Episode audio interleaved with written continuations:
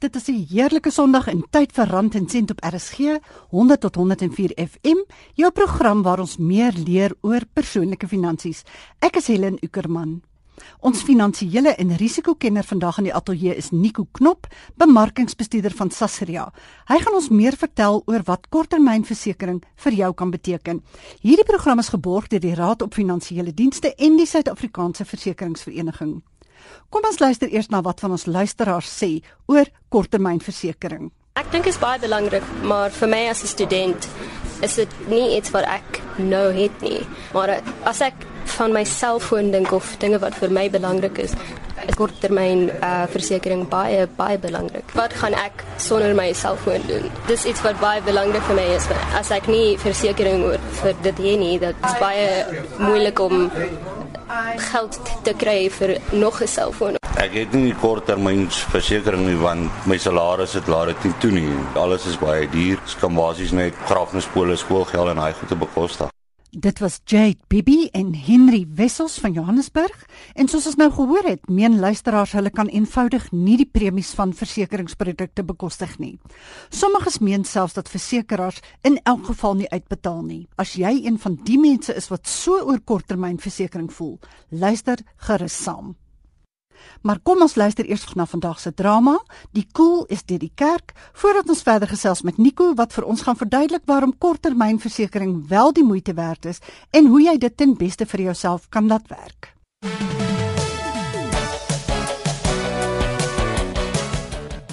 Finansiële Vryheid episode 16. Die koel is deur die kerk. Ek is heeltemal verlief. en ek sê vir julle hierdie is nie 'n korttermyn dingie. Ek is in vir die langtermyn. Die enigste langtermyn ding wat jy in die kook het, is jou lewensversekering. Want as jy so aanhou, is jy ook af van my langtermynplanne af. Wag, ek het een. Hoe het dit gegaan met jou korttermynversekeringseis? Nee, wat skat, jy sal maar weer moet probeer. Die koel is so te sê deur die kerk. Trou julle? Probeer maar weer, Astrid. O, ek sien julle praat seker nou oor Jacques se kar eis. Hm? Net so. Dit is amper alles afgehandel. Ek is regtig tevrede met my versekeringsmaatskappy. Hulle het die ding so goed hanteer. Jy het nog nie vir my dankie gesê nie. Uh, vir wat? Ek dink regtig jy het breinskade opgedoen in daai ongeluk. As dit nie vir my was wat gebel het nie, sou ons jou nooit daar langs die pad gekry het nie. Uh, Jy's reg. Uh, dankie julle. Veral Biff wat die besonderhede van almal gekry het.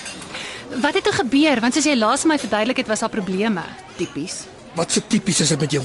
Net soos versekeringsmaatskappye is, as dit kom by uitbetaal, het hulle altyd stories. Hulle het net stories as jy nie eerlik was met hulle nie of as jy iets probeer wegsteek.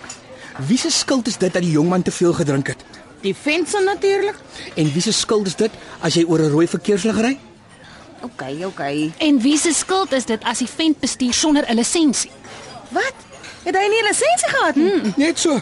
Hy het sy pas kar geleen sonder toestemming. Die kinders van vandag. Jy maak of jy so oud is, Astrid. Ons sou dit nooit waag om so iets te doen nie. Ek moet saam met Astrid stem. Hy het jare se probleem vir sy pa opgesaal. Want die versekerings betaal nie eis uit as jy sonder 'n bestuurlisensie ry nie. Maar hulle moet seker jou skade dek. Dit is waar die probleem ingekom het. Die pa se versekerings moet my skade dek. Maar hoekom eis jy nie net van jou versekerings nie? My versekerings dek my skade, so ek is gerus dat alles uitgesorteer gaan word. Maar sien, hulle moet eis van die ou wie se skuld dit was se versekerings. Ag, dit is alles baie ingewikkeld. Dit is waar. Maar dit is hoekom jy moet seker maak jou feite is reg en jou kant is skoon as dit kom by eis. Maar dit is gewoonlik waar die popo die fan stryk. Dit is baie soos Beverly wat by jou intrek, nie? Nou het jy my verloor. Jy dink sy kom net met 10 bokse. Astrid, Want jy hoor mos nou by Jacques, jy moet vooraf al die feite op die tafel sit. wat is dit? Trek jy nie meer in nie? Nee, glad nie. Ek bedoel natuurlik trek ek nog in. Dit is net ek het bietjie meer goed as wat ek gedink het. Soos 30 bokse en ek dink dit is sonder klere. Ekskuus. Jy sien dit is al die kookboeke en die kombuisgoed wat ek al so lank bymekaar maak en en daar's al daai Weet jy wat? Nou dat ek weet wat om te verwag, sal ek plek maak vir jou goedjies my lief. Oulik. sien Bev, ek het jou gesê jy gaan verstaan. Dis nou soos ek dit verstaan onder wat included is. Soos included in jou versekeringspolis. Solank sy waarborg dat sy vir my gaan kook met al daai goed in die bokse. Natuurlik my lief. Maar ek sluit skottelgoed was uit. Ek hoop maar die seun wat hom vasgery het, het so 'n ondersteunende meisie. Want sy ouers is nie op die oomblik die liefste vir hom nie. Ai, ek is seker daarvan hulle is maar net bly dat hy nie te erg beseer is nie. Ja. Kinders sal maar kinders wees.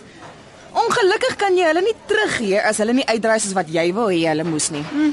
Maar my eis het gelukkig uitgedraai presies soos ek geweet het dit sal. Want jy het niks weggesteek nie. Net so.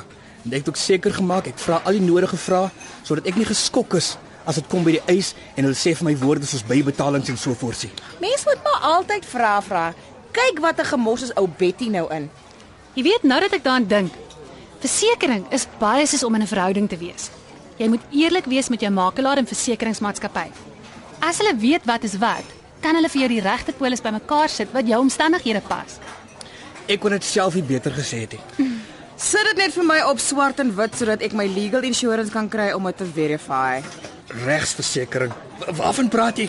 'n Nuwe ding in my lewe, maar dit is 'n storie vir 'n ander dag. Finansiële vryheid is 'n verbruikersopvoedingsprojek en word aangebied deur die lede van SAIA.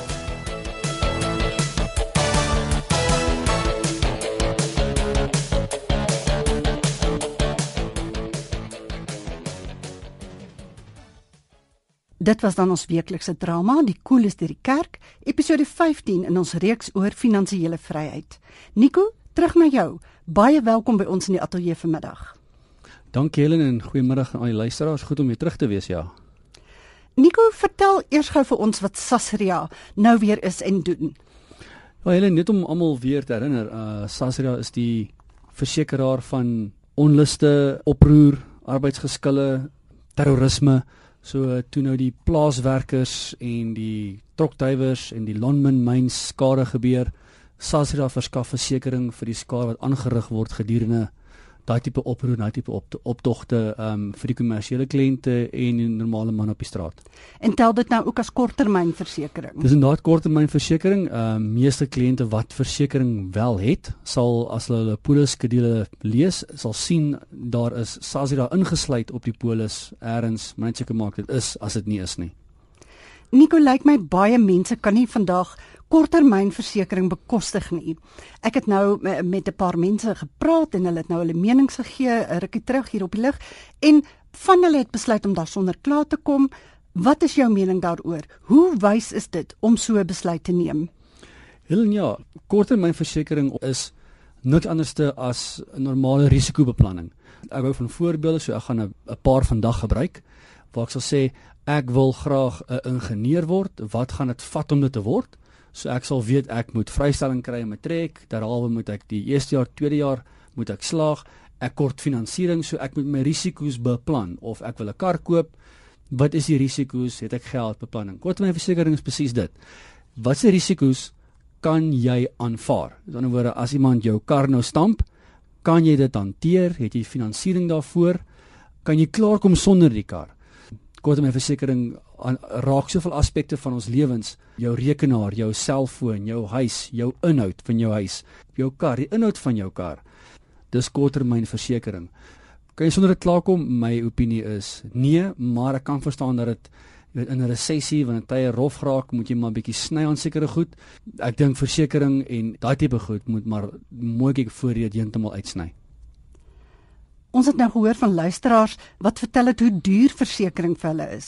En ons het juis voor verlede week op Rand en Sent gepraat oor mikroversekering vir mense wat nie genoeg verdien om polisse uit te neem nie. Kan jy vir ons 'n klein bietjie daaroor vertel net om luisteraars weer te herinner aan die produkte wat beskikbaar is vir mense met 'n lae inkomste vlak? Ja, natuurlik Helen. Uh mikroversekering is word gedryf deur die versekeringsbedryf om 'n produk te verskaf vir die lae inkomste groep. Meeste versekeraars is deel van die projek en het 'n produk in hulle stal of in hulle arsenaal van produkte wat vir daai mark spesifiek gemaak is. Nou vir vir mense nou baie sensitief raak oor lae inkomste, kan ons praat oor die LSM 1 tot 5. LSM losweg is is 'n lewensstandaard bepaling. So dit's 'n in Engels is dit 'n living standards measurement. Dit gaan nie oor die inkomste nie. Hulle bepaal, het jy 'n TV, het jy krag, het jy lopende water, het jy DStv kanaal, het jy meer as een telefoon. En hoe meer jy nou van hierdie goed in jou huishouding het, hoe hoër op die LSM vlak gaan jy wees. So dit gaan nie noodwendig oor jou inkomste nie. Glad nie. Dis baie interessant. Ek dink baie mense dink die lae LSM vlakke hou verband met jou inkomste, maar jy sê mense kan eintlik 'n goeie inkomste verdien, maar omdat jy min luukse items in jou huis het, sal jy in die lae LSM groepe val. Dit gebeur definitief. Nou ja, die wat 2 weke gelede se program misgeloop het, kan gerus die MP3 potgooi op die RSG webwerf gaan aflaai by www.rsg.co.za en weer daarna luister. Hannes Bester van die kantoor van die Ombudsman vir Korttermynversekering het toe baie mooi verduidelik hoe hierdie vorm van versekering wat gemik is op mense met 'n lae inkomste vlak werk. Nico, dan is daar die probleem van versekerings wat nie uitbetaal wanneer polishouers eis nie. Onder watter omstandighede betaal 'n versekeraar nie uit nie? Die algemene rede is maar gewoonlik die premies nie betaal nie en daar kan baie redes wees daarvoor. Die item waarvoor die kliënt eis is glad nie op die polis aangedui nie. Vorige eise of ongelukke wat die kliënt ervaar is nie genoem nie. Kliënte moet eerder maar alles vermeld al is dit 7 jaar terug. Wat baie keer gebeur is die verkeerde drywer is aangemeld op die voertuig. Ek sê ek ry die voertuig en uiteindelik ry my seun dit wat op universiteit is en die versekeraar voel die verkeerde risiko is op die boeke. Ouers doen dit, maar hulle doen dit want hulle wil graag spaar op die premies. Want dit is goedkoper om my daar te sit as my seun. So daar's honderde redes hoekom eise afgewys word. Maar ek weet meeste versekeraars soek redes om eise te betaal en nie om dit af te wys nie. Jy luister na Rand en Sent op RSG 100 tot 104 FM met Helen Ukerman en ons praat met Nico Knop van Sasria oor hoe versekerings vir jou kan werk. Ons het in ons drama gehoor dat die ouetjie wat in Jacques se kar vasgery het, nie 'n bestuurderslisensie gehad het nie en nou moet sy pa die skade betaal. amper soos die voorbeeld wat jy nou genoem het Nico, maar die pa van die jongman het dan nie die kar bestuur nie. Hoekom moet hy dan betaal? Dis 'n baie komplekse vraag en ek sal dit graag dit eenvoudig wil hou en ek gaan dit weer in die voorbeeld gebruik. Ek is die versekerde, ek verseker my voertuig. My seun is 18 of 19 jaar oud. Ek gee vir hom die kar en hy het nie 'n lisensie nie. Ek weet hy het nie 'n lisensie nie. Hy ry uit, hy stamp die voertuig. Meeste versekerings sal die eis van die hand wys vir my voertuig. Wat beteken ek moet my eie kar regmaak en derhalwe moet my seun, want hy's nou 18, pa staan letterlik vir die skade aan die ander persoon se voertuig. As ek nie geweet het hy die voertuig gevat nie, sal die versekeraar heel moontlik my kar regmaak maar die derde party se skade bly maar nog 'n geval van wie gaan dit betaal. So ouers moet dan maar mooi dink voordat hulle hulle voertuie vir hulle kinders leen. Ek dink die statistiek het ooit gesê dat die meeste ongelukke gebeur 5 km van jou huis af. So as hy vinnig gaan brood en melk koop, weet jy risiko is eintlik hoër vir daai gevalle as die ander. As 'n mens nou 'n polis uitgeneem het om jou bates te beskerm, is alles dan reg solank as wat jy die premie betaal of is daar ander risiko's wat om die hoek kan kom loer? elke jaar moet jy maar seker maak die polis se versekerde bedrag is korrek. Met ander woorde, boukoste van jou huis gaan op. As jou huis nou afbrand, moet jy weet dat die vervangingsware is nou nie wat dit was toe jy hom gekoop het nie. En ek dink dis waar waar die probleme ontstaan. As ek nou my huis inhoud gaan deurloop en ek besluit wat is my huis inhoud werd. Ek weet die versekeraar wil weet wat is die prys van jou hemp en jou broek nou. Jou TV nou. As jy hom nou moet vervang, wat gaan hy jou kos? Nie wat jy betaal het vir vir die hemp of die broek of jou TV 10 jaar terug nie. Ek weet baie mense het erfstukke, daai goed moet gewaardeer word. Jy koop rekenaars, jy koop selfone, jy het 'n DStv ingesit, jy het 'n plasma skerm, die goed verhoog jou bedrag. So jy moet seker maak jy laat jou versekeraar of makelaar weet ek het nuwe goed gekoop. So ja, jy moet jou risiko's elke jaar heroorweeg of as jy nuwe items aanskaf. In ons drama verduidelik Jacques dat die skade na 'n ongeluk betaal moet word deur die persoon of die versekeraar van die persoon wat die ongeluk veroorsaak het. Hoe maak 'n mens seker dat daardie versekeraar wel daardie koste betaal en dat jy nie op die ouend self moet opdok nie. Ja, en dis 'n ding wat nogal baie gebeur. Motorongelukke en en motoreise is meeste versekeraars se groot boeke en dis 'n dis 'n baie besige boek. En dit ma maak dit baie moeilik vir 'n versekeraar om 'n verhalingsreg uit te oefen teen skuldige party as die kliënt by die ongelukstoneel verbereerd raak. Vat soveel as moontlik inligting as wat jy kan. Die lisensie skuif met inligting oop die engine nommer, die onderstelnommer. Skryf maar die registrasienommer neer, die maak, die kleur van die voertuig, ID-nommer, soveel as moontlik telefoonnommers, werksnommers. Dis hier waar dit verskil maak tussen of ons verhaal of die versekeraar verhaal glad nie. Baie van ons telefone het nou kameras op en hierdie is belangrik. Neem foto's van die ongelukstoneel, nie net van van die skade wat jy sien nie, loop weg van die voertuie af en wys vir ons hoe lyk die ongelukstoneel van 'n afstand af. Want baie keer sê die kliënte dit was 'n systraat of dit was 'n rooi lig en daar's 'n foto van die twee karre waar die skade is. En die verseker kan nie sien waar die karre vandaan gekom het nie. Ons probeer 'n prentjie skets van verseker van wat jy probeer beskryf in jou beskrywing van die ongeluk. En as jy dit vir ons op foto's kan wys, maak dit dit verskriklik makliker om dan te verstaan wat jy bedoel. Dit is natuurlik nou alles goed en wel as die persoon wat die ongeluk veroorsaak het eerlik is oor sy besonderhede Nico. Ek het al 'n situasie gehad met 'n ongeluk wat ook deur 'n ander persoon veroorsaak is en ek het sy besonderhede geneem, maar dit was foutief. Die adres wat hy opgegee het, het nie bestaan nie en hy het gesê hy het nie sy ID-nommer by hom nie. Dit was nou lank gelede toe ons dan nog nie vandag se bestuurslisensiekaarte ja. gehad het nie. Vandag staan jou ID-nommer daarom op die kaart. Maar hoe moeilik is dit deesdae om iemand op te spoor wat verkeerde inligting verskaf? Kyk, versekerings het stelsels in plek. Hulle begin met die ENATE-stelsels. Hulle begin met die, die registrasienommer van die voertuig. Natuurlik as hulle nou nie 'n telefoonnommer het en ID-nommer nie, begin hulle by ENATE en van daar af is dit die ongeluksverslae met met meer besonderhede daarin.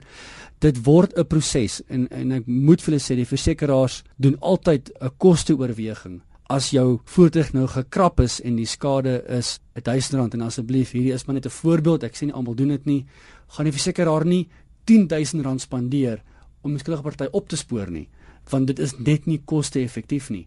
Maar dit dit is 'n proses en die kliënt moet soveel as moontlik probeer doen.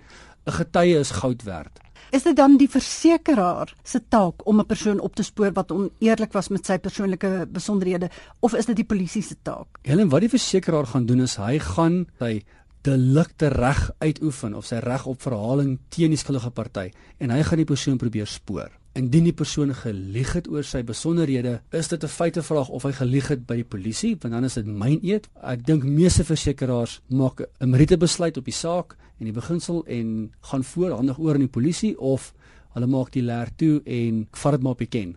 As jy nou net ingeskakel het, jy luister na Rand en Sent op RSG 100 tot 104 FM en ons praat met Nico Knop, bemarkingsbestuurder van Sasria, oor hoe jy jou korttermynversekeringspolis vir jou kan laat werk. As die persoon wat die ongeluk veroorsaak het nie verseker is nie, Nico, wat staan my te doen? Sal my eie versekeraar dan vir die skade betaal? Helen ja, die versekeraar het 'n kontraktuele plig teenoor elke versekerde om die voertuig reg te maak natuurlik versekeringskontrak het dekking wat hy verskaf soos 'n sambreel, maar die sambreel het 'n einde en daar seker beperkings wat jy moet nakom voor die dekking daar sal wees. Maar ja, ek het my voertuig gestamp. Ek laat weet my versekeraar en hulle gaan my voertuig regmaak. Hulle sal dan voortgaan om die skade te verhaal van die skuldige party af. As ek sukkel om die premie vir korttermynversekering te betaal, hoe maak ek om minder te betaal? maak seker jou versekerde bedrag is korrek. Ons almal weet dat jou voertuig het waardevermindering elke jaar. As ek my kar gekoop het 5 jaar terug vir 200 000 rand en hy is nog steeds verseker vir 200 000 rand, is dit nie noodwendig wat ek gaan uitbetaal gaan word as hy afgeskryf word nie. Hy is moontlik dalk nou werd 120 000 rand. So mense altyd seker maak jou versekerde bedrag is reg. En daar's baie versekeringsmaatskappye wat nou oorbeweeg om dit vir die kliënte te doen wat ek dink 'n baie goeie diens is. Huisinhoud, selfsituasie, uh, maak seker die bedrag is korrek. Soos ek voorheen gesê het, die bedrag mag dalk opgaan want boukoste gaan op. Ehm um, maar dit in toom Jy kan dalk dit oorweeg om jou voertuig te verseker net vir derde party as dit 'n baie ou voertuig is. Jy het nie dalk 'n omvattende dekking nodig nie. Daar's niks so sleg as jy sien op universiteit met sy 1970 karretjie in 'n Mercedes SL K500 vasry. Jou dekking daar is derde party en dit is meer nodig as sy baie ou karretjie wat in elk geval dalk net R10000 werd is. Belangrik hier is Helen, is dat kliënte moet weet as hulle skuif, waarvoor skuif hulle? Ja, jy kan die premie maak R200 'n maand, maar wat gebeur as die bybetaling R10000 is? Wat jy moet bydra tot die herstelkoste van die voertuig.